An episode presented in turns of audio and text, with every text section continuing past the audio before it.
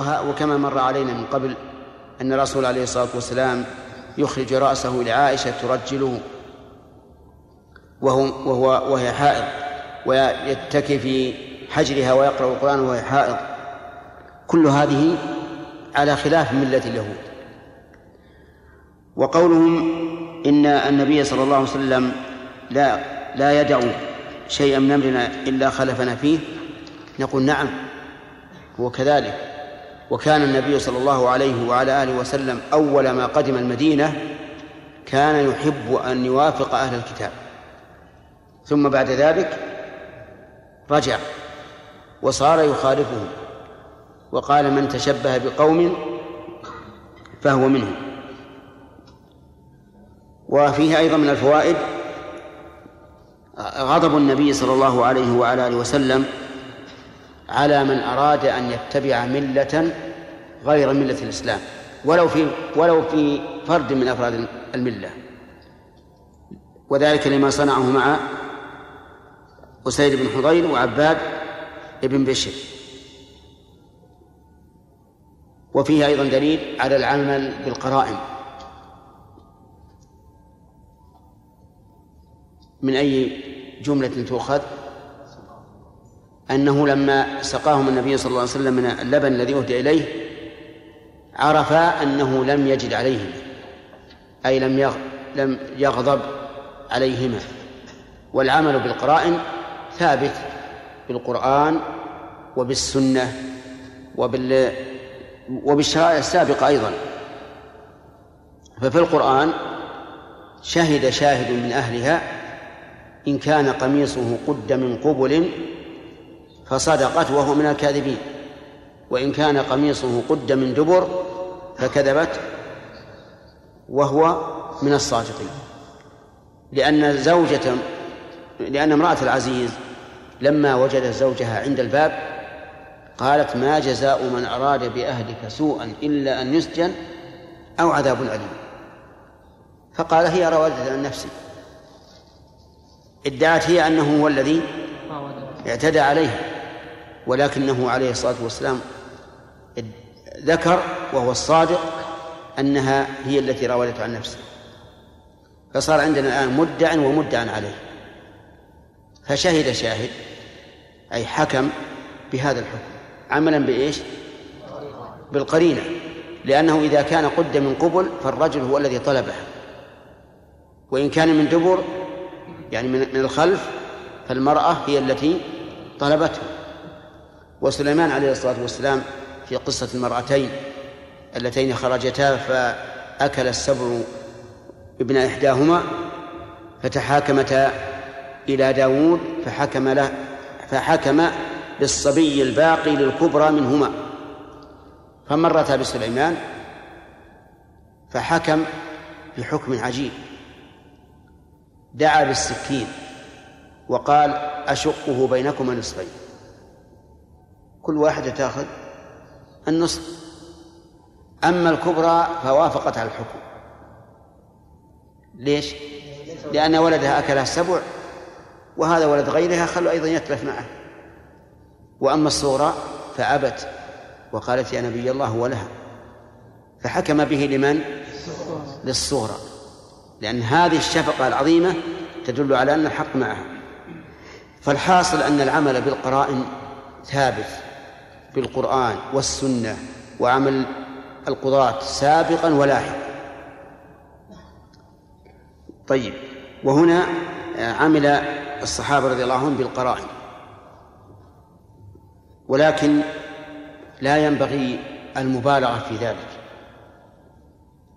بل نكون وسطا. فلا نهمل القرائن مطلقا ولا نبالغ فيها مطلقا لأن المبالغة فيها يكون فيها زلل وإهمالها يكون فيه قصور. نعم.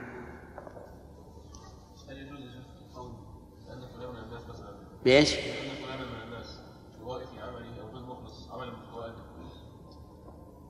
إي نعم. نعم نستدل على آه، سوء تصرفه بأنه ليس بناصح ما وجه طلب النبي صلى الله عليه وسلم موافقة اليهود وأهل الكتاب في المدينة عندما نعم. قال شيخ الإسلام لأن لأن أهل اليهود أهل كتاب. لأن اليهود أهل كتاب. فأراد عليه الصلاة والسلام أن يوافقهم حتى إذا رجع عن ذلك علم أنه على هدى وأنه رجع إلى الحق الذي يوحى إليه.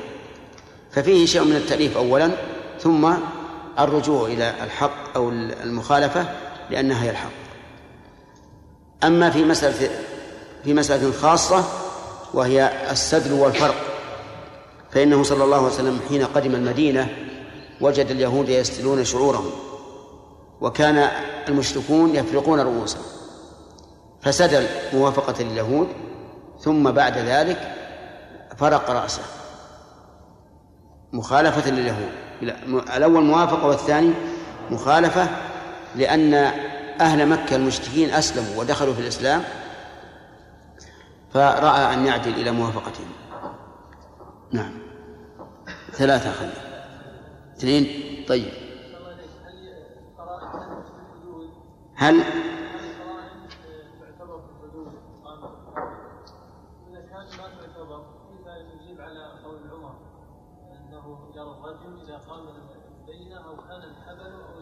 نعم.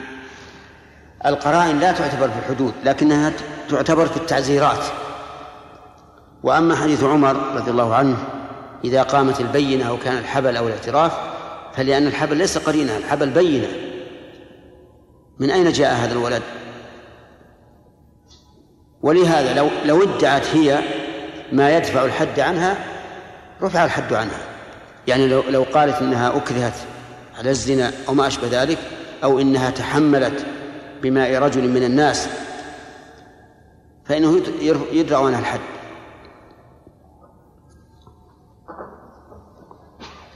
باب المذي. حدثنا أبو بكر بن أبي شيبة قال حدثنا وكيع وأبو معاوية وهشيم عن الأعمش عن منذر بن يعلى ويكنى أبا يعلى عن ابن الحنفية عن علي قال كنت رجلا مذاء وكنت أستحيي أن أسأل النبي صلى الله عليه وسلم لمكان, لمكان ابنته فأمرت المقداد بن الأسود فسأله فقال يغسل ذكره ويتوضأ.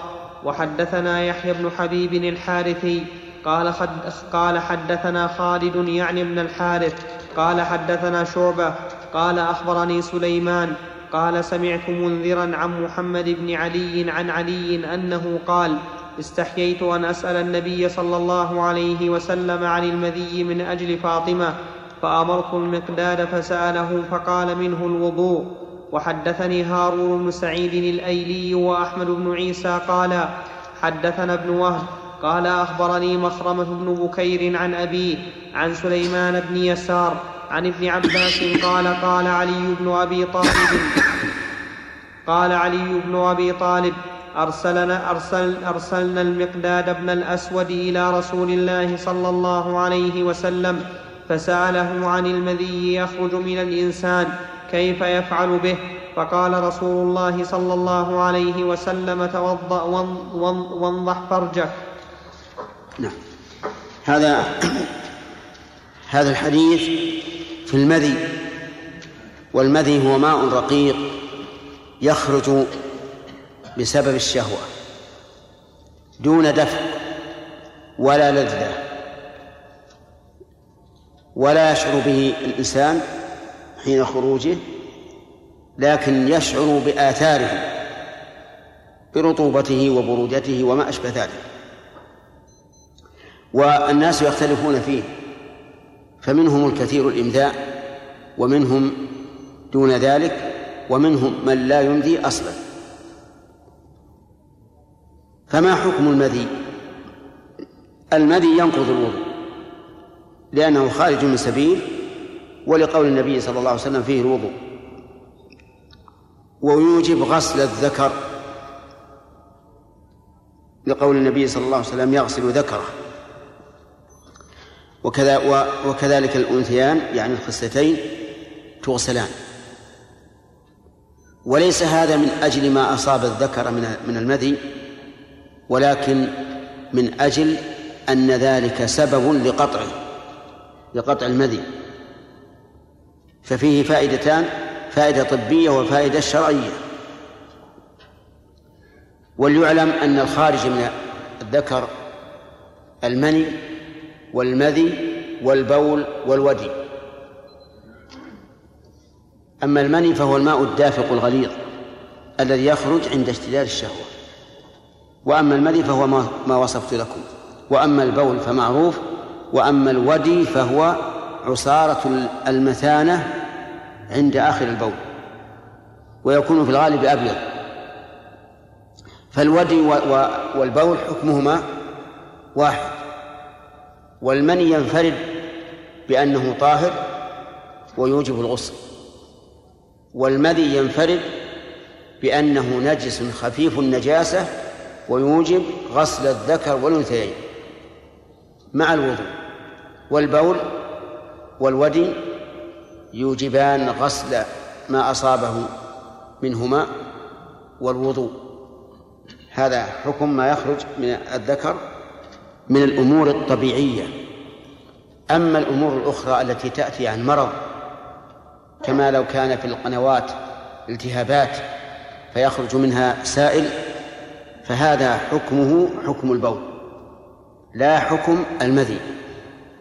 ويشتبه على بعض الناس هذا بالمذي فتجده يسأل يقول أنا كثير المذي كيف ذلك؟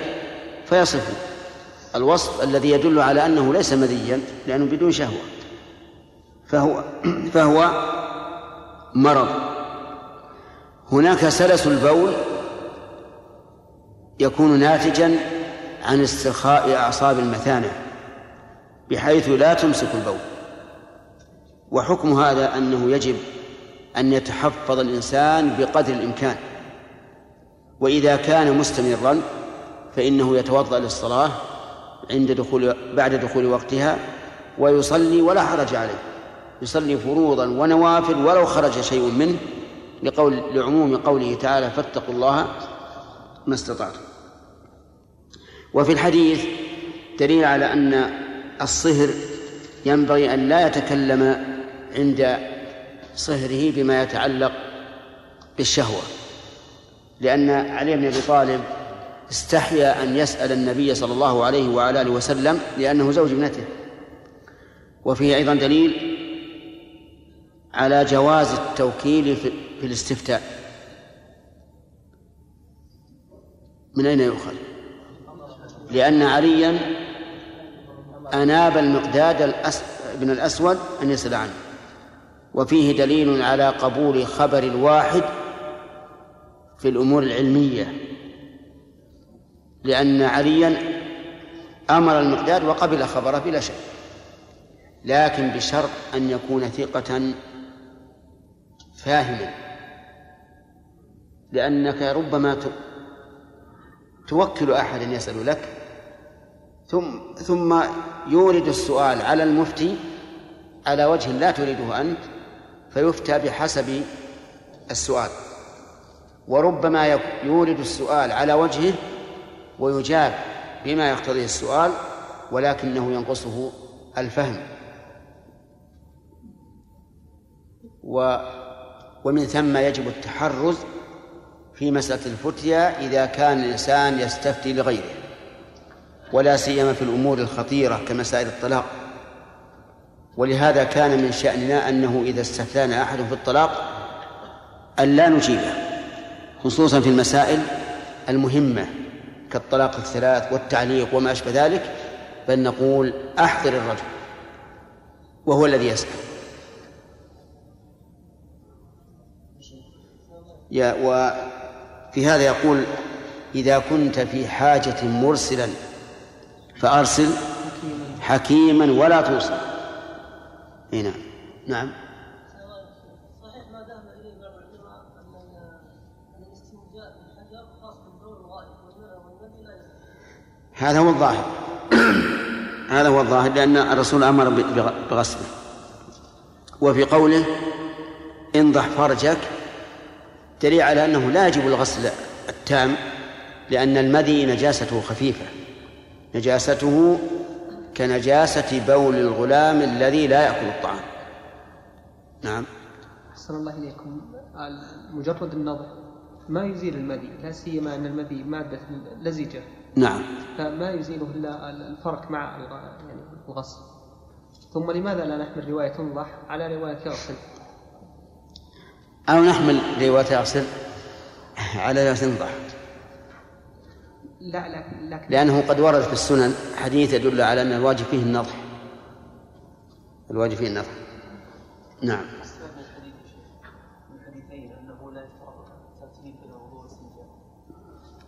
الترتيب.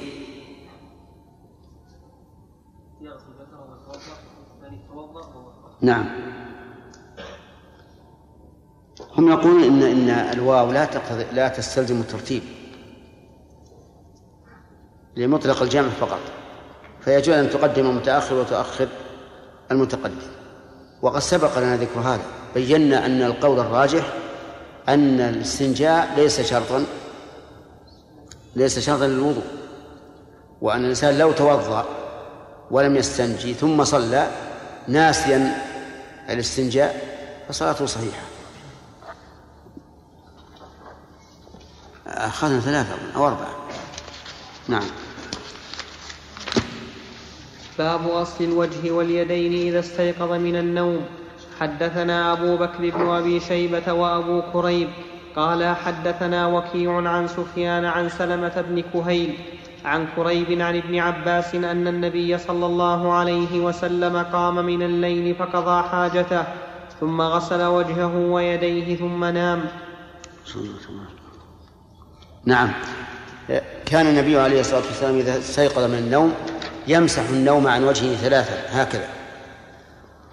ثم أيضا يغسل وجهه ثلاثا وإذا أراد أن ينام نام وإذا أراد أن يصلي صلى.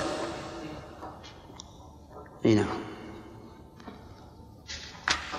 باب جواز نوم الجنب واستحباب الوضوء له وغسل الفرج إذا أراد أن يأكل أو يشرب أو ينام أو يجامع.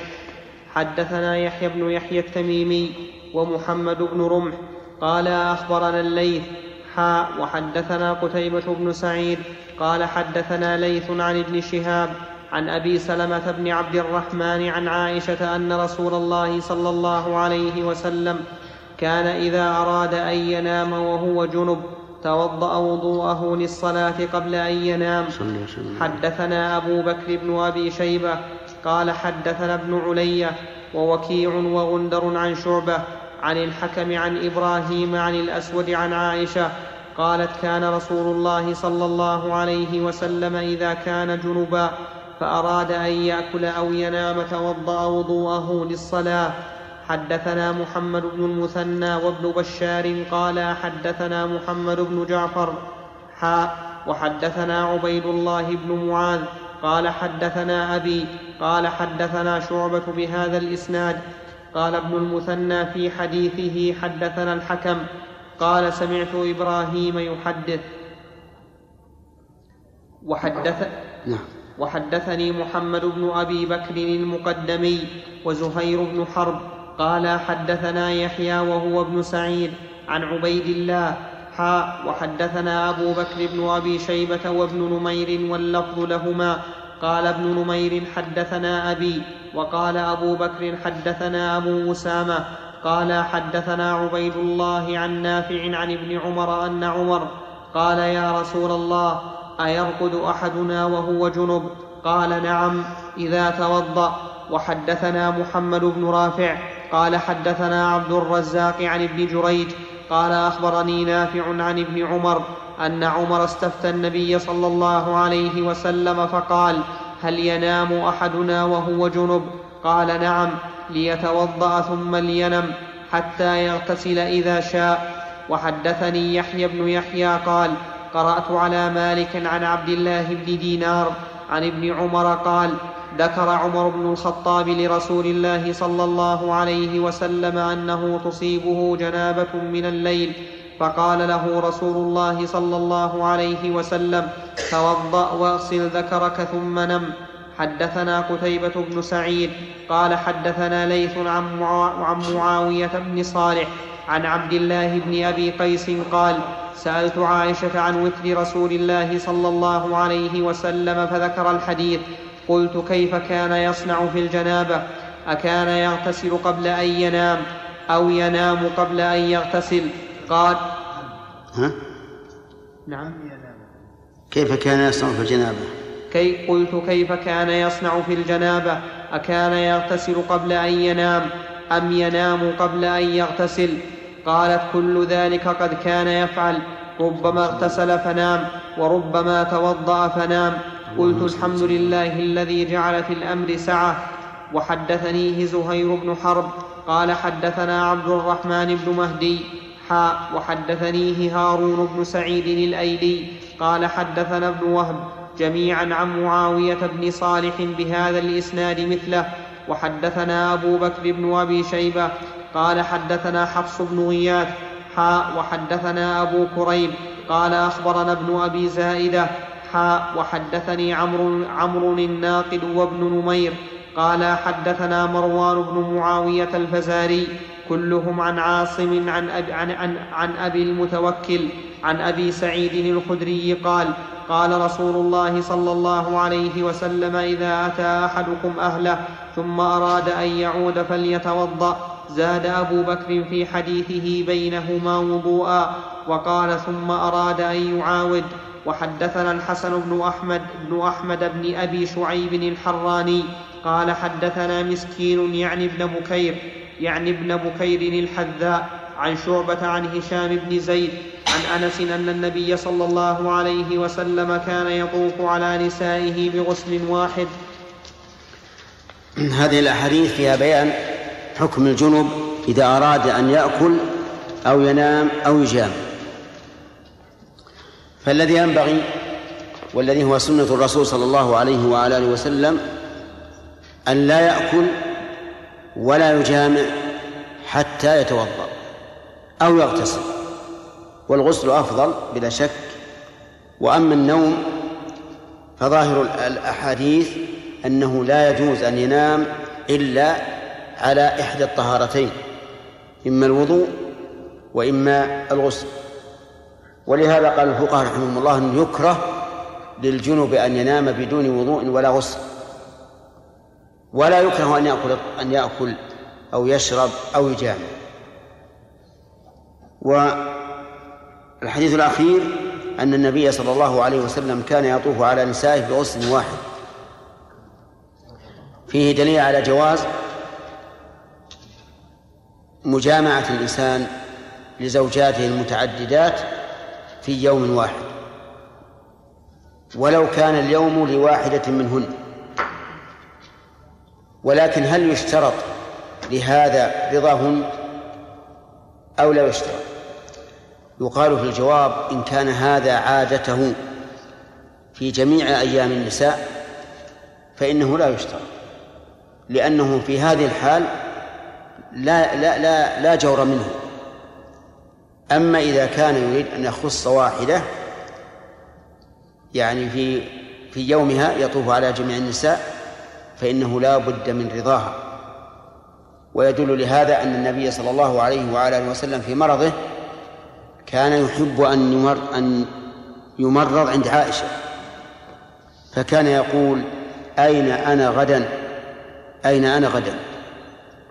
فلما فهمت نساؤه رضي الله عنهن أنه يريد يوم عائشة أذن له في ذلك فصار عليه الصلاة والسلام عند عائشة. وفي هذا الحديث أيضا الأخير دليل على أنه يجوز أن يجمع أن يجمع عدة أحداث بطهارة واحدة لأنه لو كان يجامع واحدة ويكرر الجماع عليها لكان الأمر فيه شيء من الوضوح. لكن إذا كان يجامع عدة نساء ثم يغتسل غسلا واحدا فهذا دليل على أنه إذا اجتمعت أحداث كفاها إيش؟ غسل واحد.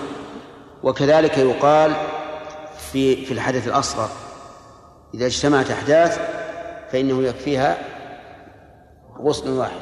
إيه نعم طهارة واحدة. يعني لو قضى حاجة البول والغائط ونام وأكل لحم إبل فإنه يكفيه وضوء واحد للجميع. وهل مثل ذلك إذا اجتمع واجب ومستحب؟ إذا اجتمع واجب ومستحب هل يكفي الواجب عن المستحب أو لا؟ يكفي. والمستحب عن الواجب لا يكفي إلا أن بعضهم قال إذا كان ناسيا ناسيا الواجب فإنه يكفي. مثال ذلك إذا قلنا إن غسل الجمعة سنة ثم اغتسل الإنسان للجمعة وكان عليه وكان عليه جنابة ونوى بالغسل عن الجنابة وعن غسل الجمعة فإن ذلك يجزئه لأنهما عبادتان من جنس فاكتفي بإحداهما عن الأخرى. فإن نوى غسل الجنابة وغفل عن غسل الجمعة نسي فإنه يجزئه عن غسل الجمعة لأن المقصود بغسل الجمعة أن يتطهر الإنسان بالاغتسال في ذلك اليوم. وإن نوى غسل الجمعة دون الجنابة فإنه لا يجزئه. لقول النبي صلى الله عليه وعلى آله وسلم إنما الأعمال بالنيات وإنما لكل امرئ ما نوى. وهذا لم ينوي لم ينوي. ثم إن غسل الجنابة غسل واجب. أعلى من الغسل من, من الغسل المستحب. ولا يجزئ الأدون عن عن الأعلى. وهكذا أيضا على القول بأن غسل الجمعة واجب فإنه لا يجزئ عن غسل الجنابة. نعم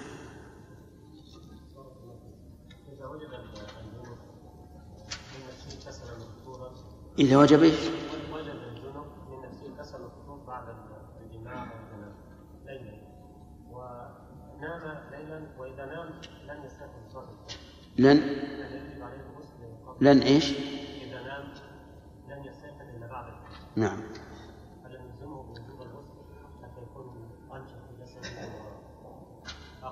هو لا شك ان إن الغسل أفضل. لكن لو اغتسل على الوضوء ثم نام جاز. أما إذا كان يعلم من نفسه أو يغلب على ظنه أنه لن يقوم إلا بعد أذان الفجر وأنه لو اشتغل بالغسل لفاتته الصلاة فحينئذ يجب عليه أن يقدم الغسل. نعم.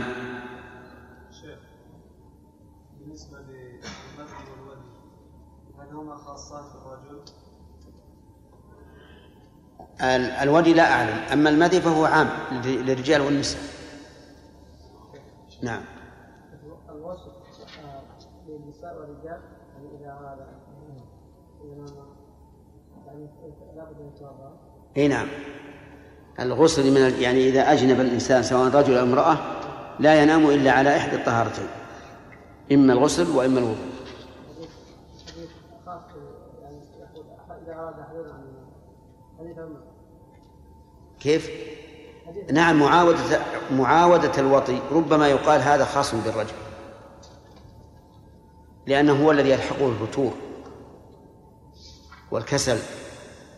فينبغي أن يغتسل لأنه أنشط لعوده بخلاف المرأة. وأما النوم فهما سواء وكذلك الأكل. نعم. السؤال إذا أراد أحدنا أن يسلم أجابه على هذا السؤال الأصل؟ نعم. ثلاثة. ثلاثة؟ طيب. باب وجوب الغسل على المرأة بخروج المني منها. وحدثني أم سليم و وحدثني زهير بن حرب قال حدثنا عمر بن يونس الحنفي قال حدثني عكرمة بن عمار قال قال إسحاق بن أبي طلحة حدثني أنس بن مالك قال جاءت أم سليم وهي جدة إسحاق إلى رسول الله صلى الله عليه وسلم فقالت له وعائشة عنده يا رسول الله المرأة ترى ما يرى الرجل في المنام فترى من نفسها ما يرى الرجل من نفسه فقالت عائشة يا أم سليم فضحك النساء تربت يمينك. فقال لعائشة بل أنت فتربت يمينك. نعم فلتغتسل يا أم سليم إذا رأت ذاك. حدثنا عباس بن الوليد. قال حدثنا يزيد بن زريع. قال حدثنا سعيد عن قتادة أن أنس بن مالك حدثهم أن أم سليم حدثت أنها سالت, سألت نبي الله صلى الله عليه وسلم عن المرأة ترى في منامها ما يرى الرجل. فقال رسول الله صلى الله عليه وسلم إذا رأت ذلك المرأة فلتغتسل. فقالت أم سليم واستحيت من ذلك. قالت وهل يكون هذا؟ فقال نبي الله صلى الله عليه وسلم نعم فمن أين يكون الشبه؟ ان ماء الرجل غليظ أبيض. وماء المرأة رقيق أصفر فمن أيهما علا أو سبق يكون منه الشبه. حدثنا داود بن رشيد قال حدثنا صالح بن عمر قال حدثنا أبو مالك الأشجعي عن أنس بن مالك قال سألت امرأة رسول الله صلى الله عليه وسلم عن المرأة ترى في منامها ما يرى الرجل في منامه فقال إذا كان منها ما يكون من الرجل فلتغتسل. وحدثنا يحيى بن يحيى التميمي قال أخبرنا أبو معاوية عن هشام بن عروة عن أبيه عن زينب بنت أم سلمة عن أم سلمة قالت جاءت أم سليم. نعم. أعد. وحدثنا يحيى بن يحيى التميمي قال أخبرنا أبو معاوية عن هشام بن عروة عن أبيه عن زينب بنت أبي سلمة عن أم سلمة قالت جاءت أم سليم إلى النبي صلى الله عليه وسلم فقالت يا رسول الله إن الله لا يستحيي من الحق فهل على المرأة من غسل إذا هي احتلمت؟ إذا فهل على المرأة من غسل إذا احتلمت؟ فقال رسول الله صلى الله عليه وسلم نعم إذا رأت الماء. فقالت أم سلمة يا رسول الله وتحتلم المرأة؟ فقال تربت يداك فبم يشبهها ولدها؟ وحدثنا أبو بكر بن أبي شيبة وزهير بن حرب قال حدثنا وكيع حاء وحدثنا ابن أبي عمر قال حدثنا سفيان جميعا عن هشام عن هشام بن عروة بهذا الإسناد مثل معناه وزاد قالت قلت فضحك النساء.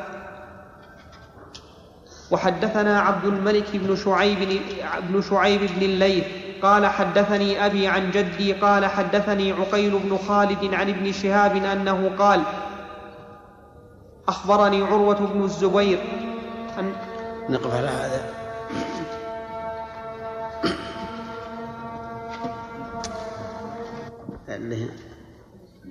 بقى حديثين أكملهن تفضل.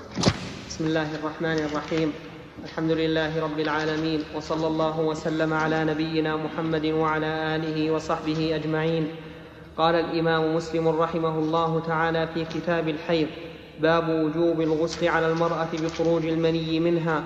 وحدثنا عبد الملك بن شعيب بن الليث قال حدثني أبي عن جدي قال حدثني عقيل بن خالد عن ابن شهاب أنه قال أخبرني عروة بن الزبير أن عائشة زوج النبي صلى الله عليه وسلم أخبرته أن أم سليم أم بني أبي طلحة دخلت على رسول الله صلى الله عليه وسلم بمعنى حديث هشام غير أن فيه قال قالت عائشة فقلت لها اف فقلت لها اف لك أترى المرأة ذلك؟ حدثنا إبراهيم بن موسى الرازي وسهل بن عثمان وأبو كريب واللفظ لأبي كريب قال سهل حدثنا وقال الآخران أخبرنا ابن أبي زائدة عن أبيه عن مصعب بن شيبة عن مسافع بن عبد الله عن عروة بن الزبير عن عائشة أن امرأة قالت لرسول الله صلى الله عليه وسلم هل تغتسل المرأة إذا احتلمت وأبصرت الماء؟ فقال نعم. فقالت لها عائشة تربت يداك و وألت. تربت يداك وألت. قالت فقال رسول الله صلى الله عليه وسلم دعيها وهل يكون الشبه إلا من قبل ذلك؟ إذا علا ماؤها ماء الرجل أشبه الولد أخواله وإذا علا ماء الرجل ماءها أشبه أعمامه. هذه الأحاديث كلها في بيان أن المرأة قد تحتلم وبين النبي صلى الله عليه وعلى آله وسلم أنه لا غسل عليها إلا إذا رأت الماء لأن الاحتلام إذا لم يرى المحتلم الماء مجرد أضاف إحلام فإن رأى الماء وجب عليه أن يغتسل. وهذه المسألة لا تخلو من ثلاث حالات. الحال الأولى أن يحتلم بلا رؤية ماء. والحال الثانية أن يرى الماء بدون تذكر احتلام. والثالثة أن يحتلم ويذكر الاحتلام ويرى الماء. ففي الحالة الأولى لا شيء عليه وفي الحالة الثانية عليه الغسل وإن لم يتذكر احتلاما. ولكن إذا رأى ماء ولم يدري أمني هو أم مدي أم عرق أم بول لا يدري عن شيء. فإنه لازمه أن يغتسل لأن الأصل عدم الحدث ولا يلزمه أن يغسل الثوب لاحتمال أن يكون عرقا. وعلى هذا فالأصل الطهارة من الحدث فلا يلزمه الغسل والطهارة من الخبث فلا يلزمه الغسل. وفي هذا وفي هذه الأحاديث دليل على أنه لا غسل بالانتقال أي بانتقال المني بل لا بد من ظهوره. وهذه المسألة مختلف فيها. فمنهم من يقول إنه إذا انتقل المني وإن لم يخرج فعليه الغسل. وسبب ذلك أن الرجل قد تثور شهوته ثم يحس بانتقال المني ولكن لا يخرج لبرودة الشهوة. فهل يجب عليه أن يغتسل؟ في ذلك خلاف كما قلت لكم والصحيح أنه لا يجب لقول النبي صلى الله عليه وسلم إذا هي رأت الماء فلا بد من شيء يبرز ويرى. قال شيخ الإسلام ومثل ذلك انتقال الحيض. يعني إذا انتقل حيضها ولم يخرج فإنه لا فإنه لا يحكم عليها بحكم الحائض. فإذا كان ذلك في وقت الصلاة لازمتها الصلاة لأن الحيض لم يخرج بعد. ومن فوائد هذا الحديث هذه هذا الحديث الذي تكرر ومخرجه واحد أن الشبه يكون بسبب أو بأحد سببين السبب الأول أن يسبق ماء الرجل ماء المرأة فيكون الشبه للرجل. والثاني أن يعلو ماء الرجل ماء المرأة فيكون الشبه له. وإذا كان العكس كان الشبه للأخوال للمرأة وأهلها.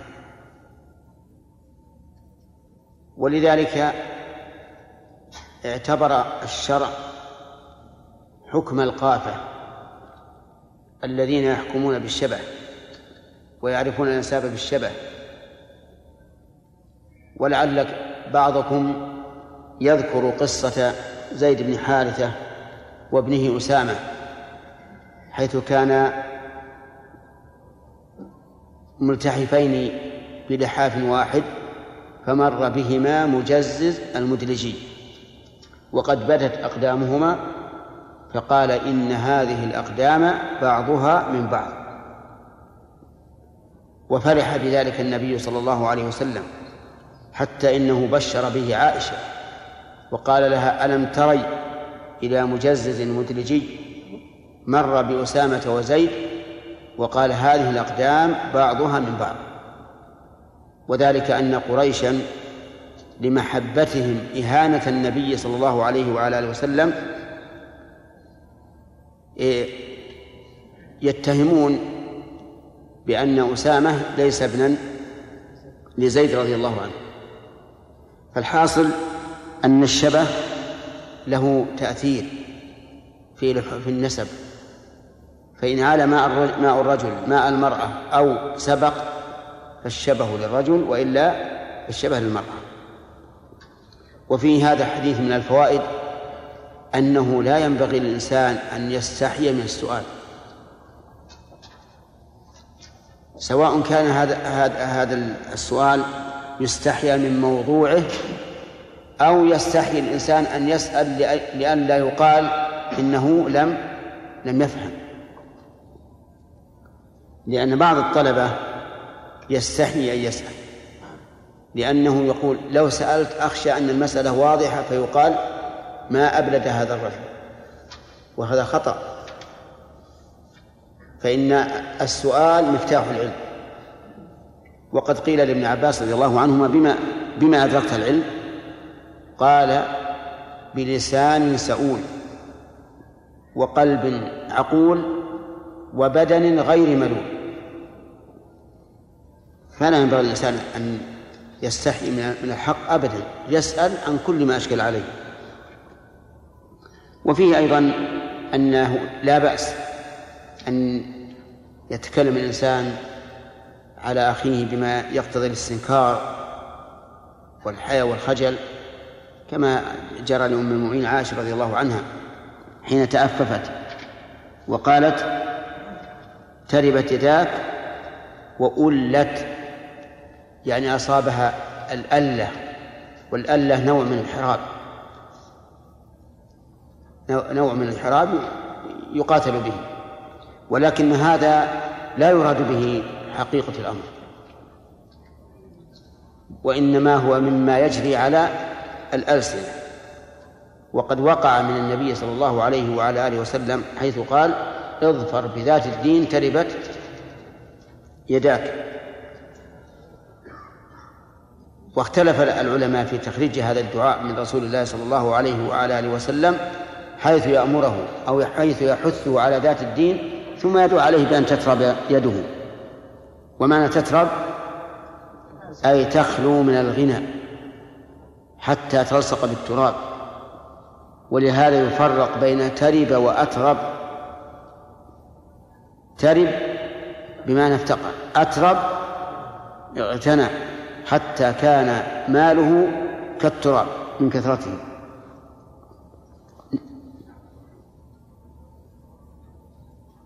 نعم. محمد؟ نعم. نعم. هل المرأة حكمه نفس حكم من الرجل أم يختلف طهارة إيه هو طاهر. المني طاهر سواء من المرأة أو من الرجل. وقد عرفت أن الرسول فرق بينهما بأن مني المرأة أصفر رقيق بخلاف مني الرجل. نعم. متى يعتبر؟ الشبه متى لا يعتبر؟ كيف متى يعتبر؟ متى لا يعتبر؟ هو معتبر. معتبر على كل حال. الشبه يدل على أن هذا منسوب لهذا ولكنه لا يعتبر إذا كان النسب ثابتا. فلو أن فلو ولد ولد ولا يشبه أمه ولا أباه لكن نسبه ثابت فإننا لا لا لا, لا نعول على الشبه إطلاقا. نعم. ما الفرق بين على رجل مع الرجل وسابق مع الرجل. الفرق معناه الله أنه يكون أكثر. فيعلو عليه. هذا من العلو والسبق معروف. نعم. باب بيان صفة مني الرجل والمرأة وأن الولد مخلوق من مائهما. حدثني الحسن بن علي الحلواني قال حدثني أبو توبة وهو الربيع بن نافع قال حدثنا معاوية يعني ابن سلام عن زيد يعني أخاه أنه سمع أبا سلام قال حدثني أبو أسماء الرحبي أن ثوبان مولى رسول الله صلى الله عليه وسلم حدثه. قال كنت قائما عند رسول الله صلى الله عليه وسلم فجاء حبر فجاء حبر من أحبار اليهود. لماذا؟ عندي حركة نعم هو فيه حركة. نعم. فجاء فجاء حبر من أحبار اليهود فقال السلام عليك يا محمد فدفعته دفعة كاد يصرع منها فقال لم تدفعني؟ فقلت ألا تقول يا رسول الله؟ فقال اليهودي إنما ندعوه باسمه الذي سماه به أهله. فقال رسول الله صلى الله عليه وسلم إن, إن اسمي إن اسمي محمد الذي سماني به أهلي. فقال اليهودي جئت, جئت أسألك. فقال, فقال له رسول الله صلى الله عليه وسلم أينفعك شيء إن حدثتك؟ قال أسمع بأذني. فنكت رسول الله صلى الله عليه وسلم بعود معه. عندي بأذني نعم نعم قال أسمع بأذني فنكت رسول الله صلى الله عليه وسلم بعود معه فقال سل فقال اليهودي أين يكون الناس يوم تبدل الأرض غير الأرض والسماوات؟ فقال رسول الله صلى الله عليه وسلم هم في الظلمة دون الجسر. قال فمن أول, فمن أول الناس إجازة؟ قال فقراء المهاجرين قال اليهودي فما تحفتهم حين يدخلون الجنة؟ قال زيادة كبد النون. قال فما غذاء كبد, كبد. قال زيادة كبد النون. قال فما غذاؤهم على إثرها؟ قال ينحر لهم ثور الجنة الذي كان يأكل من أطرافها. قال فما شرابهم عليه؟ قال من عين فيها تسمى سلسبيلا. قال صدقت. قال وجئت أسألك عن شيء لا يعلمه أحد من أهل الأرض إلا نبي أو رجل أو رجلان. قال ينفعك إن حدثتك. قال أسمع بأذني. قال جئت أسألك عن الولد. قال ماء الرجل أبيض وماء المرأة أصفر. فإذا اجتمعا فعلى مني الرجل مني المرأة أذكرا بإذن الله. وإذا علا مني المرأة مني الرجل أنثى بإذن الله. آه نعم. وإذا علا مني المرأة مني الرجل انثى بإذن الله قال اليهودي لقد صدقت وإنك لنبي. ثم انصرف فذهب. فقال رسول الله صلى الله عليه وسلم لقد سألني هذا عن الذي سألني عنه وما لي علم بشيء منه حتى أتاني الله به. وحدثنيه عبد الله بن عبد الرحمن الدارمي قال أخبرنا يحيى بن حسان قال حدثنا معاوية بن سلام في هذا الإسناد بمثله غير أن غير. غير؟ نعم.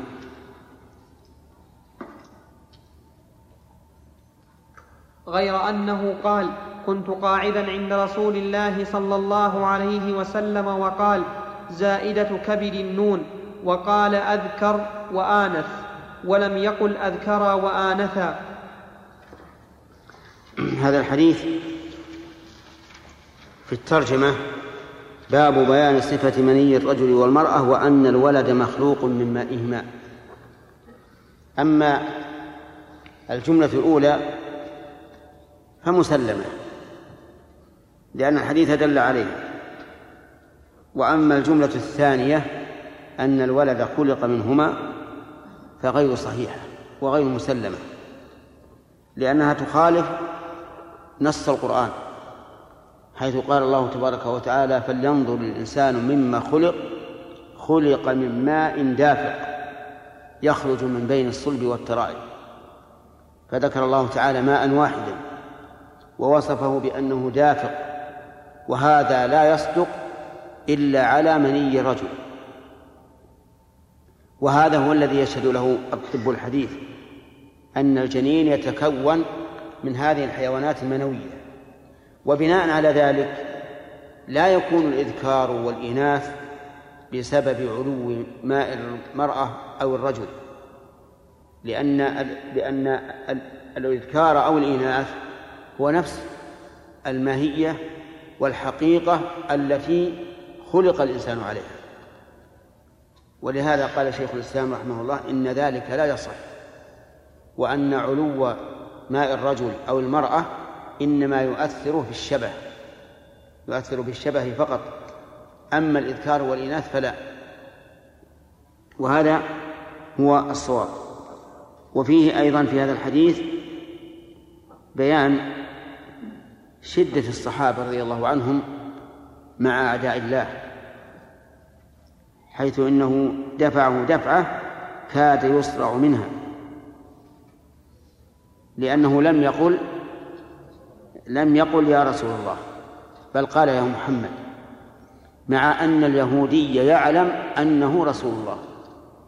قال الله تبارك وتعالى الذين آتيناهم الكتاب يعرفونه كما يعرفون أبناءهم لكنهم كتموا الحق وهم يعلمون. ومن فوائد هذه الآية هذا الحديث تواضع النبي صلى الله عليه وعلى آله وسلم حيث قال إن اسمي محمد الذي سماني به أهلي. كما كما قال له. ويتفرع من ذلك أيضا من هذه الفائدة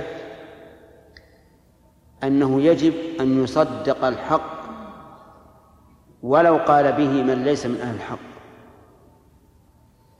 لأن النبي صلى الله عليه وسلم صدق اليهودي. و ومن المعلوم أن الحق يقبل. يقبل من أي من أي قائل به. فقد قبله النبي صلى الله عليه وسلم من اليهود في مثل هذا الحديث وفي مثل حديث الحبر الذي قال إنا لنجد في التوراة أن الله يجعل السماوات على إصبع والأرضين على إصبع كما في حديث ابن مسعود رضي الله عنه فضحك النبي صلى الله عليه وسلم حتى بدت نواجذه تصديقا لقول الحبر. وفي كتاب الله عز وجل وإذا فعلوا فاحشة قالوا وجدنا عليها آباءنا والله أمرنا بها. قل إن الله لا يأمر بالفحشاء. فأنكر قولهم والله أمرنا بها وسكت عن قولهم وجدنا عليه عليها آباءنا إقرارا لها. وهكذا يجب على الإنسان أن يقبل الحق من كل من جاء به وأن يرد الباطل من كل من جاء به. وفي الحديث بيان عناد اليهود حيث قال له الرسول عليه الصلاة والسلام أينفعك شيء حدثتك قال أسمع بأذني. ولم يقل ينفعني أو أرجو أن ينفعني لأنه معاند. وهو يشبه قول المشركين اللهم إن كان هذا هو الحق من عندك فأمطر علينا حجارة من السماء أو ائتنا بعذاب أليم.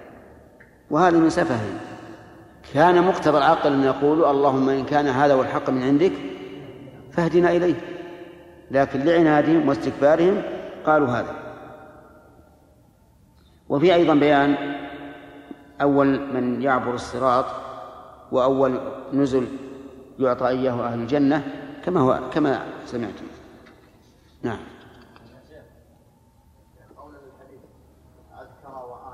نعم. نحمل على أن هذا الحديث فيه نظر وأن الإذكار والإناث إنما هو بإرادة الله عز وجل ولا تأثير لعلو المرأة أو ماء الرجل بذلك إنما التأثير بالشبه فقط. نعم يا عبد الله. نعم. شيخ بارك الله فيك قول اليهودي آه، صدقت وإنك لنبي هل ينفعه يا شيخ؟ لا. شهد له بالرسالة. أي لكن من قال؟ لأن الشهادة لا بد فيها من القبول والإذعان. أما مجرد التصديق فلا. هذا أبو طالب قد صدق الرسول عليه الصلاة والسلام تصديقا واضحا ودافع عنه وناضل عنه وقال في لميته المشهورة لقد علموا أن ابننا لا مكذب لدينا ولا يعنى بقول الأباطل ومع ذلك لم يكن مؤمنا. نعم. نقول إن التذكير والتأليف بيد الله عز وجل. نعم. وإذا أراد الله عز وجل التذكير نعم. الرجل اعلى مما نعم. وإذا أراد التأليف بالعكس. نعم. فلا منافاة بين الله عز وجل وبين علو الماء ينافي هذا قوله خلق من ماء دافئ فهو مخلوق من مني الرجل والمخلوق ذك- ذكر أو أنثى لأن هذا ليس وصفا وهو الشبه هذا عين الذكورة والإناث عين تختلف في الأعضاء وفي كل تركيب الجسم الماء الدافئ نعم. الله عز وجل من بين الصلب صلب نعم. الرجل نعم. وترائب المرأة لا من بين صلب الرجل وترائبه. ترائب الرجل نعم.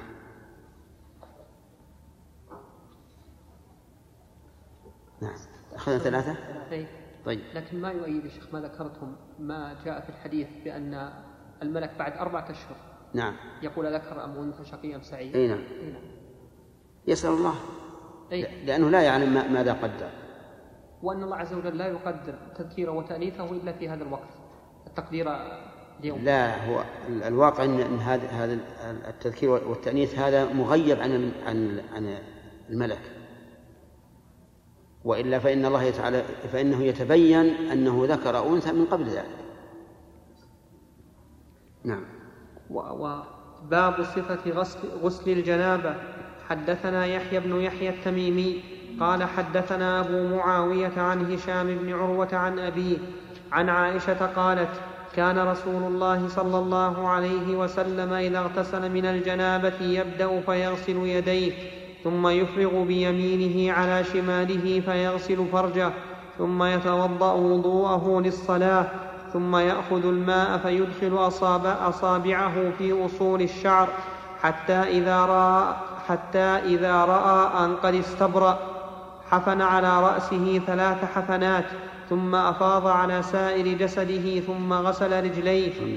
وحدثناه قتيبة بن سعيد وزهير بن حرب قال حدثنا جرير حاء وحدثنا علي بن حجر قال حدثنا علي بن مسهر حاء وحدثنا أبو كريب قال حدثنا ابن نمير. كلهم عن هشام في هذا الإسناد وليس في حديثهم غسل الرجلين. ولكن غسل الرجلين ثابت وهي زيادة من ثقة ولا تنافي روا- الروايات الأخرى.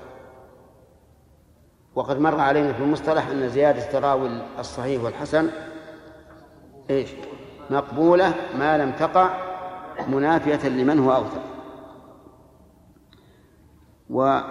وفي هذا الحديث دليل على أن على أنه يجب إيصال الماء في غسل الجنابة إلى أصول الشعر.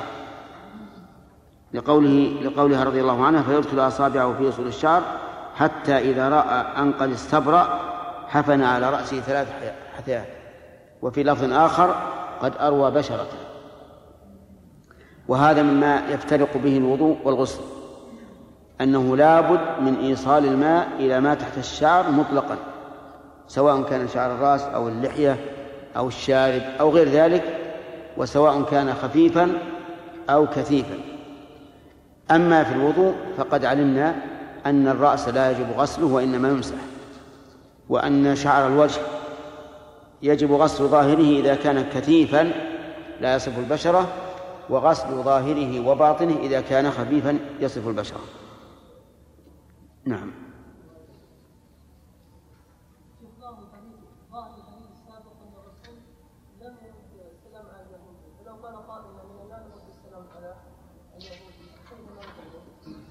أولا بارك الله فيك أن عدم الذكر ليس ذكرا للعدم.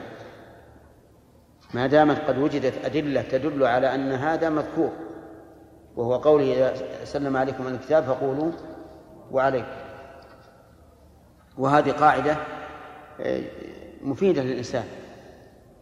إذا كان الشيء مذكورا في أدلة أخرى ثم جاء حديث آخر لم يذكر فيه هذا فإن فإنه يقال عدم الذكر ليس ذكرا للعدم.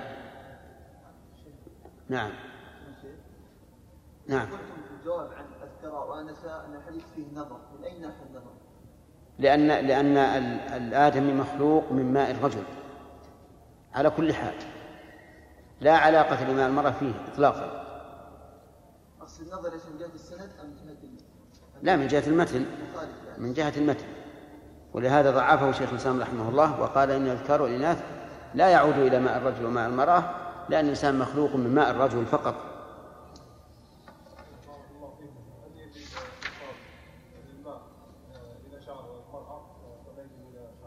إي نعم في الجنابة والحيض. ولو كان كثيفا نعم. نعم. وحدثنا أبو بكر بن أبي شيبة قال حدثنا وكيع قال حدثنا هشام عن أبيه عن عائشة أن النبي صلى الله عليه وسلم اغتسل من الجنابة فبدأ فغسل كفيه ثلاثا ثم ذكر نحو حديث أبي معاوية ولم يذكر غسل الرجلين. وحدثناه عمرو الناقد قال حدثنا معاوية بن عمرو قال حدثنا زائدة عن هشام قال أخبرني عروة عن عائشة أن رسول الله صلى الله عليه وسلم كان إذا اغتسل من الجنابة بدأ فغسل يديه قبل أن يدخل يده في الإناء ثم توضأ مثل وضوئه للصلاة. وحدثني علي بن حجر السعدي قال حدثني عيسى بن يونس قال حدثنا الأعمش عن سالم بن أبي الجعد عن كريب عن, عن ابن عباس قال حدثتني خالتي ميمونة قالت أدنيت لرسول الله صلى الله عليه وسلم غسله من الجنابة فغسل كفيه مرتين أو ثلاثا ثم أدخل, أدخل يده في الإناء ثم أفرغ به ثم أفرغ به على فرجه وغسله بشماله ثم ضرب بشماله الأرض فدلكها دلكا شديدا ثم توضأ وضوء ثم توضأ وضوءه للصلاة وضوءه. وضوءه. ثم توضأ وضوءه للصلاة ثم أفرغ على رأسه ثلاث حفنات ملء كفه ثم غسل سائر جسده ثم تنحى عن مقامه ذلك فغسل رجليه ثم أتيته بالمنديل فرده. وحدثنا محمد بن الصباح وأبو بكر بن أبي شيبة وأبو كريب والأشج وإسحاق كلهم عن وكيع. حاء وحدثناه يحيى بن يحيى وأبو كريب قال حدثنا أبو معاوية كلاهما عن الأعمش بهذا الإسناد وليس في حديثهما إفراغ ثلاث, ثلاث إفراغ ثلاثة. وليس في حديثهما إفراغ ثلاث حفنات ثلاث.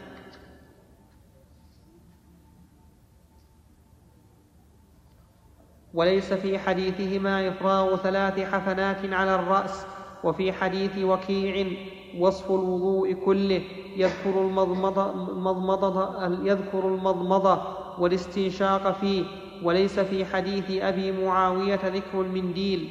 حدثنا وحدثنا أبو بكر بن أبي شيبة قال حدثنا عبد الله بن إدريس عن الأعمش عن سالم عن كريب عن ابن عباس أن عن ميمونة أن النبي صلى الله عليه وسلم أتي بمنديل فلم يمسه وجعل يقول بالماء, كها بالماء هكذا يعني ينفضه.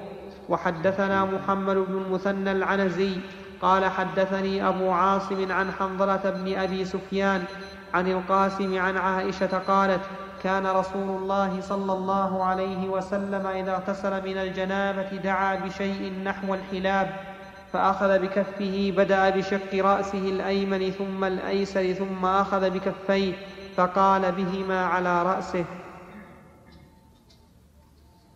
في هذا الحديث التصريح بأنه بدأ بالشق الأيمن حتى في غسل الرأس. وهذا إذا لم يمكن أن يأخذ الماء بيديه فيعم الرأس مرة واحدة. فإذا أخذ بيد واحدة فإنه يبدأ باليمين ثم باليسار. وإذا كان باليدين جميعا أفرغ على الرأس كله مرة واحدة ثلاث مرات. نعم. باب القدر المستحب من الماء في غسل الجنابة وغسل الرجل والمرأة في إناء واحد في حالة واحدة وغسل أحدهما بفضل الآخر. وحدثنا يحيى بن يحيى قال قرأت على مالك عن ابن شهاب عن عروة بن الزبير عن عائشة أن رسول الله صلى الله عليه وسلم كان يغتسل من إناء هو الفرق من الجنابة. حدثنا قتيبة بن سعيد قال حدثنا ليث حاء وحدثنا ابن رمح قال أخبرنا الليث حاء وحدثنا قتيبة بن سعيد وأبو بكر بن أبي شيبة وعمر الناقد وزهير بن حرب قالوا حدثنا سفيان كلاهما عن الزهري عن عروة عن عائشة قالت كان رسول الله صلى الله عليه وسلم يغتسل في القدح وهو الفرق وكنت أغتسل أنا وهو في الإناء الواحد وفي حديث سفيان من إناء واحد قال قتيبة قال سفيان والفرق ثلاثة آصع. وحدثني عبيد وحينئذ يشكل أن يكون الفرق ثلاثة آصع وقد اشتهر وثبت أيضا أن النبي صلى الله عليه وعلى آله وسلم كان يغتسل بالصاع. والجواب على ذلك أن يقال لا يلزم من كونه ثلاثة آصع أن يكون مملوءا. هذا من جهة. من جهة أخرى أنه كان يغتسل به, به مع عائشة رضي الله عنها. لا يغتسل به وحده. وأنه إذا اغتسل وحده كفاه الصاع وإن اغتسل مع أهله فلا بد من أن يكون من الفرق. وقد يقال إن أكثر اغتسالات النبي صلى الله عليه وعلى آله وسلم بالصاع وربما وربما زاد على ذلك.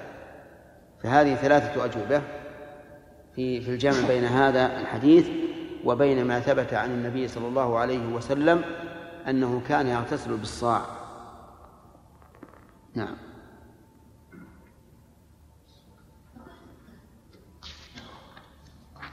وحدثني عبيد الله بن معاذ العنبري قال حدثنا أبي قال حدثنا شعبة عن أبي بكر بن حفص عن أبي سلمة بن عبد الرحمن قال دخلت على عائشة أنا وأخوها من الرضاعة فسألها عن غسل النبي صلى الله عليه وسلم من الجنابة فدعت بإناء قدر فدعت بإناء قدر الصاع فاغتسلت وبيننا وبينها ستر وأفرغت على رأسها ثلاثا.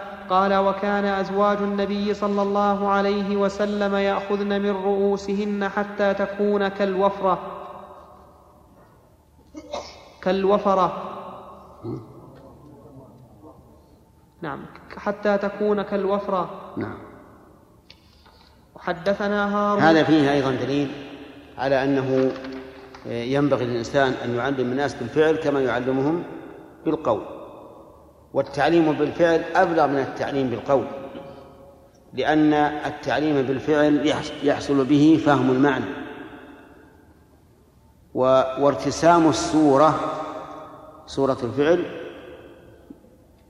في الذهن حتى لا ينسى وهذا أمر مشاهد. أن أن التعليم بالفعل أبلغ من التعليم بالقول. وقولها وكان نعم. وكان أزواج النبي صلى الله عليه وعلى آله وسلم يأخذن من رؤوسهن حتى تكون كالوفرة يعني يقصصن من رؤوسهن حتى تكون كالوفرة يعني إلى الكتف أو أنزل قليلا. قال العلماء وسبب ذلك أن المرأة إذا طال شعرها فهي مرغوبة. في النكاح وترى ذلك من كمال الجمال. فكن رضي الله عنهن يقصصن رؤوسهن ليبرهن للناس أنهن لا رغبة لهن في النكاح بعد رسول الله صلى الله عليه وسلم لتحقيق تحريم نكاحهن بعد وفاة الرسول صلى الله عليه وعلى آله وسلم. وقد اختلف العلماء في قصد المرأة رأسها. على ثلاثة أقوال. القول الأول أنه حرام وقد جزم بذلك صاحب مستوعب من أصحاب الإمام أحمد رحمه الله. والقول الثاني أنه مكروه وهذا هو المشهور من المذهب. والقول الثالث أنه جائز ما لم يصل إلى حد لا يفرق بينه وبين رأس الرجل. فإن وصل إلى هذا الحد صار حراما لأنه يستلزم تشبه المرأة بالرجال وهذا حرام. وهذا القول أصح. لكن ليس قول إنه ليس بحرام يعني أن الأخذ وعدمه سواء بل عدم الأخذ أفضل وأحسن اتقاء للخلاف وابتعادا عن مشابهة الرجال ثم ابتعادا عن تلقف العادات التي ترد إلينا. من غيرنا ولهذا كان الناس إلى زمن قريب يرون أن طول شعر رأس المرأة من من من جمالها وكمالها. لكن لما وردت علينا هذه الجحافل من المجلات وغير المجلات صارت النساء لضعف عقولهن تتبع كل جديد. بسم الله الرحمن الرحيم. الحمد لله رب العالمين. وصلى الله وسلم على نبينا محمد وعلى آله وصحبه أجمعين. قال الإمام مسلم رحمه الله تعالى في كتاب الحيض حدثنا هارون بن سعيد الأيلي قال حدثنا ابن وهب قال أخبرني مخرمة بن بكير عن أبيه عن أبي سلمة بن عبد الرحمن قال قالت عائشة كان رسول الله صلى الله عليه وسلم إذا اغتسل بدأ بيمينه فصب عليها من الماء فغسلها ثم صب الماء على الأذى الذي به بيمينه وغسل عنه بشماله حتى إذا فرغ من ذلك صب على رأسه. قالت عائشة كنت أغتسل أنا ورسول الله صلى الله عليه وسلم من إناء واحد ونحن جنبان. وحدثني محمد بن نعم. رافع. بسم الله الرحمن الرحيم. سبق لنا في في قصة اليهودي الذي الحبر الذي جاء إلى النبي صلى الله عليه وعلى آله وسلم. وبينا أن الإذكار والإناث إنما يكون بإرادة الله عز وجل وأنه إنما يكون بما خلق منه الإنسان والإنسان مخلوق من ماء الرجل. وذكرت لكم أن شيخ الإسلام ابن تيمية رحمه الله نظر في هذا الحديث. وأحسب أنه مر علي علي قديما. لكن رأيت أيضا ابن ابن ابن القيم رحمه الله قال إن في النفس منه شيئا. قاله في تحفة الودود. فليعلم ذلك. أما هذا الحديث فليس فيه شيء زاد على ما سبق إلا مسألة نحوية وهو وهي قوله قولها ونحن جنوبان. فالمعروف أن جنب لفظ مفرد يستوي فيه الجماعة الواء والواحد والاثنان. نعم. وحدثني محمد بن رافع قال حدثنا شبابة قال حدثنا ليث عن يزيد عن عراك عن حفصة بنت عبد الرحمن بن أبي بكر وكانت تحت المنذر بن الزبير أن عائشة, أن عائشة أخبرتها أنها كانت تغتسل هي والنبي صلى الله عليه وسلم في إناء واحد يسع ثلاثة أمداد أو قريبا من ذلك. نعم. حدثنا عبد الله بن مسلمة بن قعنب قال حدثنا أفلح بن حميد عن القاسم بن محمد عن عائشة قالت كنت أغتسل أنا ورسول الله صلى الله عليه وسلم من إناء واحد تختلف أيدينا فيه من الجنابة. وحدثنا يحيى بن يحيى قال أخبرنا أبو خيثمة عن عاصم الأحول عن معاذة عن عائشة قالت كنت قالت كنت أغتسل أنا ورسول الله صلى الله عليه وسلم من إناء بيني وبينه واحد فيبادرني حتى أقول دع لي. قالت وهما جنبان. دع لي مرتين. دع لي دع لي. نعم. حتى أقول دع لي دع لي حتى أقول. عندك أقول أصبر. عندك بالرفع ولا بالنصب؟ الرفع هي يجوز أن تكون مرفوعة بناء على بناء على حتى ابتدائية وليست غائية لأن حتى لا تنصب إلا إذا كانت للغاية. بمعنى إلى أن مثل قوله تعالى قالوا لن نبرح عليه عاكفين حتى يرجع إلينا موسى. أي إلى إلى أن يرجع إلينا إلينا موسى. وأما إذا كانت ابتدائية فإن الفعل يكون بعدها مرفوعا والاسم يكون بعدها كذلك مرفوعا. كقول الشاعر حتى ماء دجلة أشكلوا.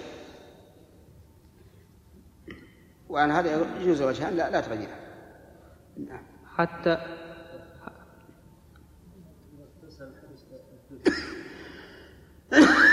نعم. نعم نعم. يغتسل يبدأ بالجانب الأيمن.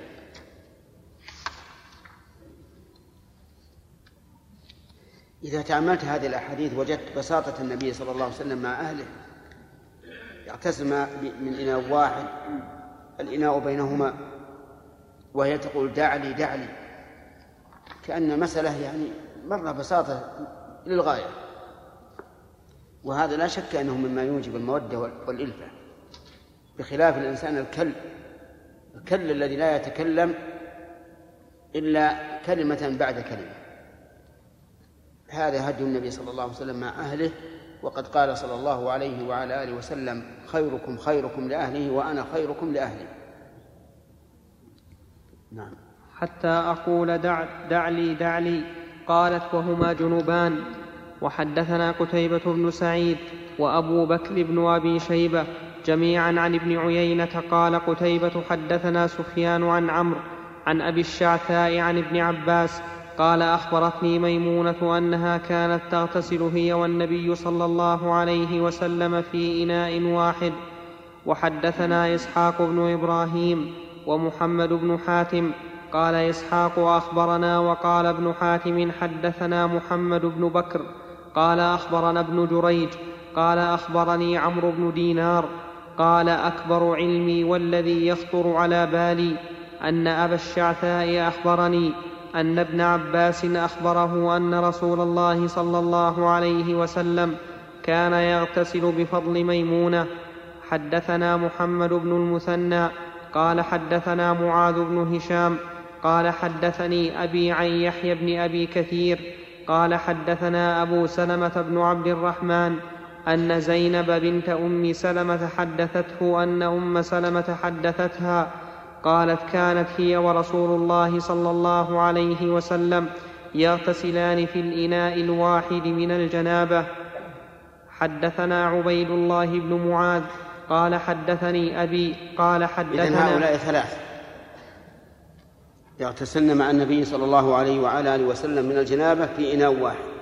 عائشة الثاني ميمونة والثالث ام سلمه وفي حديث ميمونة دليل على جواز اغتسال الرجل بفضل المرأة. وقد سبق الكلام فيه وبينا أنه يجوز للرجل أن يغتسل بفضل المرأة وأن يتوضأ بفضل المرأة.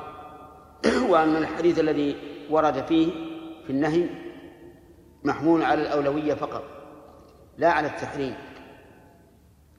نعم.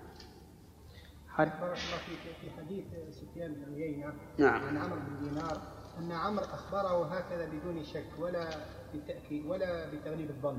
بينما في حديث ابن جريج عنه نعم. حدثه بغلبة الظن. فهل هذا محمول على أن عمرو بن دينار كان غير متأكد أو لم يكن متأكدا تماما حتى حدث سفيان؟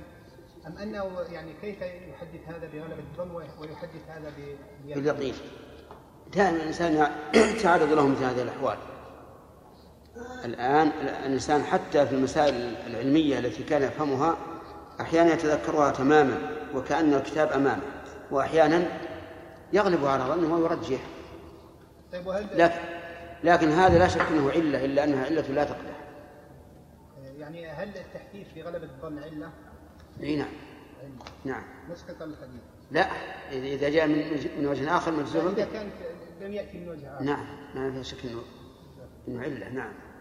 كيف نجمع بين قول عائشة ما كان النبي صلى الله عليه وسلم يراه مني ولا كنت اراه منه؟ اي وبين هذا الحديث تبين النبي صلى الله عليه وسلم كان يغتسل معه هذا سننكره مما يدل على ضعف الحديث الذي يذكر ما رأيته منه ولا رآه منه. وهو ضعيف. لأن الله تعالى أباح للإنسان أن يرى من أهله الفرج وأن يروا فرجه أيضا فقال والذين هم لفروجهم حافظون إلا على أزواجهم أو ما ملكت أيمانهم فإنهم غير ملومين. نعم.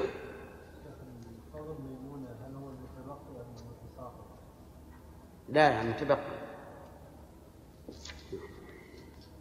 أحسن الله إليكم. قول عائشة رضي الله عنها أنها تغتسل هي والنبي في إناء واحد يسع ثلاثة أمداد. نعم. ثلاثة أمداد يعني الغالب أنها أقل من الصاع وهما اثنان. إي نعم. هو ما مر علينا قبل هذا؟ ومر علينا ثلاثة أصواع ثلاثة أصواع لكنها ثلاث أمداد. إي نعم. الظاهر وهم من, من الراوي ها؟ وش يقول؟ يقول اغتسل من الماء يسع ثلاث امداد وزاداه لما ها؟ يقول ربما انه اغتسل من الماء يسع ثلاثة أمداد وزاداه لما خرج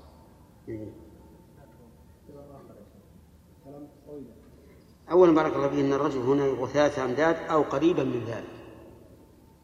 فكأنه لم يضبط والعمدة على ثلاث آصع وبينا فيما سبق الجمع بينه وبين أن كونه يغتسل بالصاع. نعم.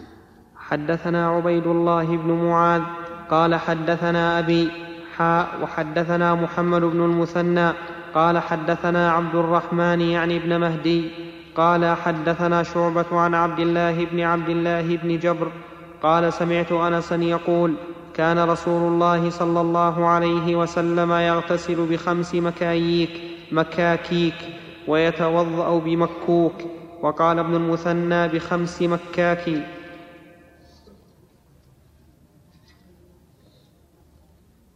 الظاهر أن المكان قريب من المد لأن الصاع أربعة أمداد وقد ورد عن النبي عليه الصلاة والسلام أنه يغتسل بالصاع إلى خمسة أمداد ويتوضأ بالمد فهل تكلم الشارع على هذا؟ أي وش- وفي رواية بخمس مكاك بتشديد الياء والمكفوف بفتح الميم. وضم الكاف الأولى وتشديدها وجمعه مكاكيك والمكاكي ولعل المراد بالمكوك هنا المد كما قال في الرواية الأخرى يتوضأ بالمد ويغتسل بالصاع إلى خمسة أمداد هذا هو الظاهر. ظاهر قريب منه. نعم. نعم يا سليم الحديث الذي ورد علينا حديث عائشة رضي الله عنها لما راه من غيره منه وراه منه و- و- وورد عن عن الرسول صلى الله عليه وسلم من زوجاته يسترن ويعد يشوف أقول لك هذا غير صحيح يا سليم. ما رأيته ولا رآه هذا مو صحيح. نعم. ابن عباس ان النبي صلى الله عليه وسلم كان يقول ميمونه اشترط الاصحاب ان تكون خ- خلوه إن إيش؟ تكون المراه انها خاليه من الماء نعم نعم ما هي- ما هي- ما هو ما هو دليل اشتراط الخلوه الظاهر إن دليل اشتراط اشتراطهم الخلوة لأن لأنهم يقولون إنه إذا كان بفضلها وهي خالف به فإنه يعني قد يحتمل أشياء تحصل منها. فلذلك نهي عنه. والصواب أن النهي لا لا المرء- الرجل بفضل المرأة والمرأة بفضل الرجل أنه عام. لكنه ليس على ما قال الأصحاب أنه يحرم أو إنه لا يرفع الحدث. وقال ابن معاذ عن عبد الله بن عبد الله ولم يذكر ابن جبر. حدثنا قتيبة بن سعيد قال حدثنا وكيع عن مسعر عن ابن جبر عن أنس قال كان النبي صلى الله عليه وسلم يتوضأ بالمد ويغتسل بالصاع إلى خمسة أمداد. وحدثنا أبو كامل الجحدري وعمرو بن علي كلاهما عن بشر بن المفضل قال أبو كامل حدثنا بشر قال حدثنا أبو ريحانة عن سفينة قال كان رسول الله صلى الله عليه وسلم يغسله الصاع من الماء من الجنابة ويوضئه المد. وحدثنا أبو بكر بن أبي شيبة قال حدثنا ابن علية حاء وحدثني علي بن حجر قال حدثنا إسماعيل عن أبي ريحانة عن سفينة قال أبو بكر صاحب قال أبو بكر صا. قال أب صاحب وش, وش حرف. صاحب صفة السفينة. نعم. قال أبو بكر صاحب رسول الله صلى الله عليه وسلم. قال كان رسول الله صلى الله عليه وسلم يغتسل بالصاع ويتطهر بالمد. وفي حديث ابن حجر أو قال ويطهره المد. وقال وقد, وقد كان كبر وما كنت أثق بحديثه.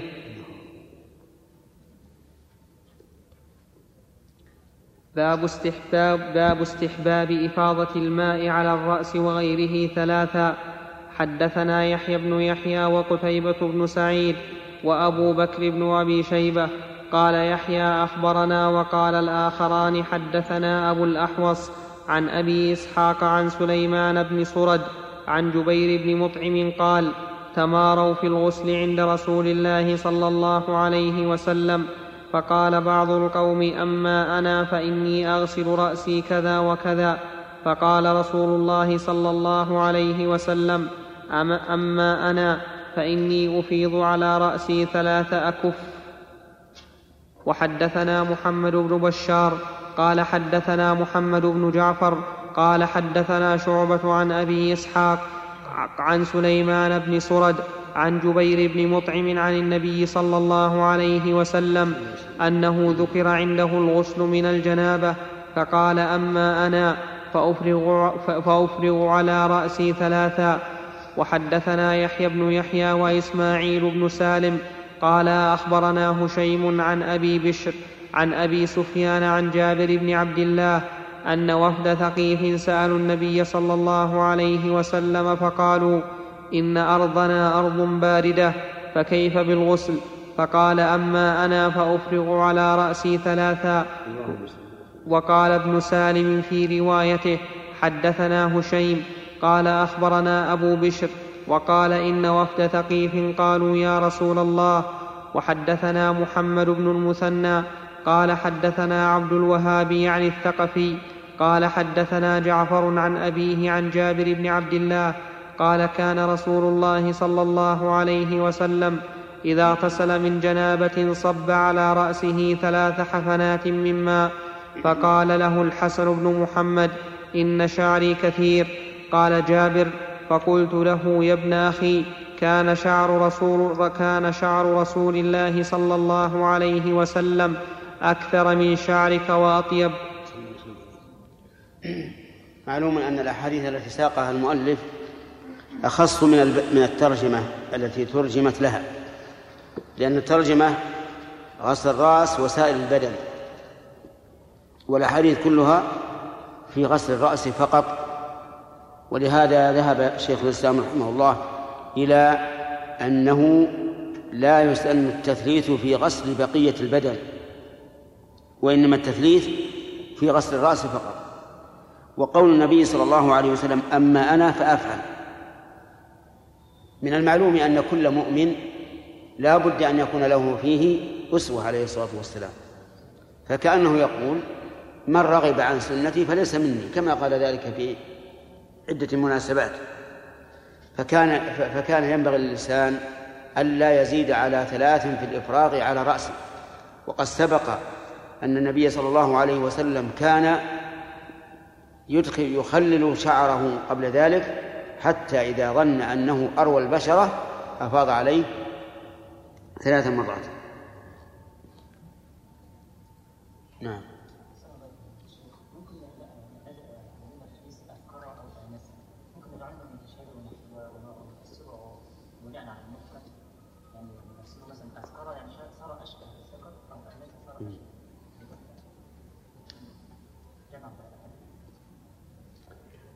بس هذا يعني مستكره في الواقع. مستكره نعم. نعم. الله. الآن مثلا كما قلت أن السنة في مذهب شيخ الإسلام أن يفيض على جسده مرة واحدة. يا شيخ الإفاضة هل تكفي في أن يصل الماء إلى داخل الشعر أو إلى جميع أجزاء الجسد؟ أم أنه بالدلك و... لا الدلك ليس بواجب. الدلك ليس بواجب. وقد أشار إلى هذا القحطاني رحمه الله في نونيته فقال أنشدتكم البيت. ها. الغسل فرض والتدلك سنة وهما بمذهب مالك فرضان.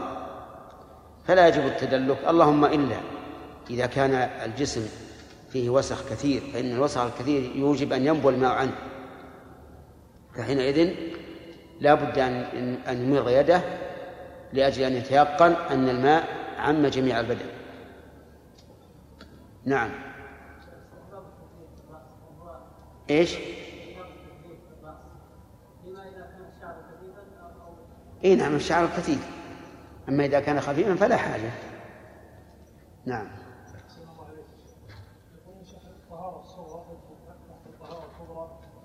ثاني شيء اذا كان ذلك في صفه الغسل المجزئه كان هذا صحيح. نعم في غير الترتيب ولا ولا وضوء. لعموم قوله تعالى وإن كنتم جنبا فاطهروا ولم يذكر الله تعالى وضوءا. نعم. أربعة. أربعة؟ طيب. نعتمد أربعة شيء أربعة هي نعم. باب حكم ضفائر المغتسلة. حدثنا أبو بكر بن أبي شيبة وعمر الناقد وإسحاق بن إبراهيم وابن أبي عمر كلهم عن ابن عيينة. قال إسحاق أخبرنا سفيان عن أيوب بن موسى عن سعيد بن أبي سعيد المقبري عن عبد الله بن رافع مولى أم سلمة. عن أم سلمة قالت قلت يا رسول الله إني امرأة أشد, أشد ظفر رأسي فأنقضه لغسل الجنابة. قال لا إنما يكفيك أن تحثي على رأسك ثلاث أنا عندي أشد ظفرا بفتح الضاد نعم. طيب. أعيد قراءة عندكم ظفر؟ لا. نعم. عندي فتح. إني امرأة أشد ظفر رأسي فأنقضه لغ- لغسل الجنابة. قال لا إنما يكفيك أن تحثي على رأسك ثلاث حثيات. ثم, ثم تفيضين عليك الماء فتطهرين وحدثنا عمرو الناقد قال حدثنا يزيد بن هارون. حاء وحدثنا عبد بن حميد قال أخبرنا عبد الرزاق قال أخبرنا الثوري عن أيوب بن موسى في هذا الإسناد وفي حديث عبد الرزاق فأنقضه للحيضة والجنابة فقال لا ثم ذكر بمعنى حديث ابن عيينة. وحدث